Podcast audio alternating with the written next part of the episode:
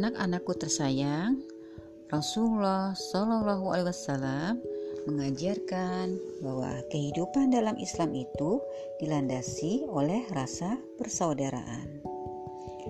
Beliau bahkan mengatakan bahwa tidak sempurna iman seseorang sebelum ia mencintai saudaranya seperti mencintai dirinya sendiri. Seseorang bertanya kepada Rasulullah SAW, "Perbuatan apakah yang baik dalam Islam?" Beliau menjawab, "Sudi memberi makan dan memberi salam kepada orang yang engkau kenal." dan yang tidak engkau kenal. Rasulullah Shallallahu Alaihi jadikan dirinya teladan tertinggi bagi setiap Muslim. Beliau amat rendah hati dan tidak mau diagung-agungkan, walaupun beliau adalah manusia terbaik. Beliau bersabda, "Jangan memujaku seperti orang-orang Nasrani memuja anak Maryam." Aku adalah hamba Allah.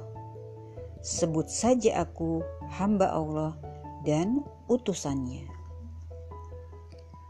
Pernah suatu ketika beliau mengunjungi para sahabat yang sedang berkumpul.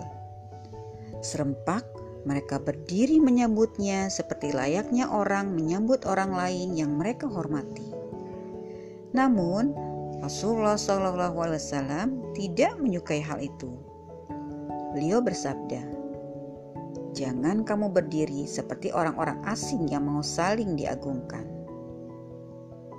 Setiap kali mengunjungi para sahabatnya, Rasulullah Wasallam tidak pernah memilih-milih tempat duduk.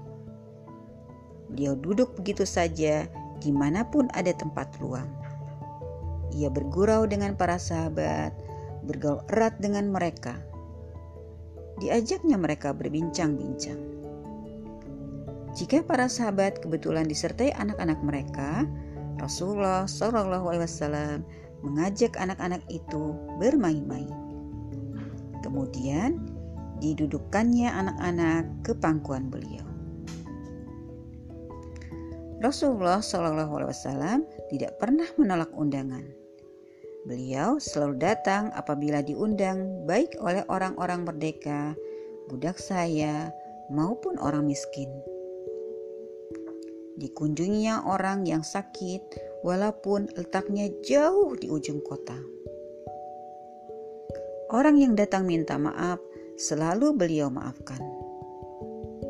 Beliau selalu yang memulai memberi salam kepada orang yang dijumpai. Beliau pasti selalu yang lebih dulu mengulurkan tangan menjabat sahabat-sahabatnya. Anak-anakku tersayang, tidak akan pernah lagi kita menjumpai seorang pemimpin yang begitu lembut dan begitu menyayangi rakyatnya. Pemimpin yang hidup sederhana seperti kebanyakan rakyatnya. Pemimpin yang mampu memberi nasihat dan teladan. Pemimpin yang selalu siap memberi dan mendapat tempat di lubuk hati terdalam setiap orang yang mengenalnya.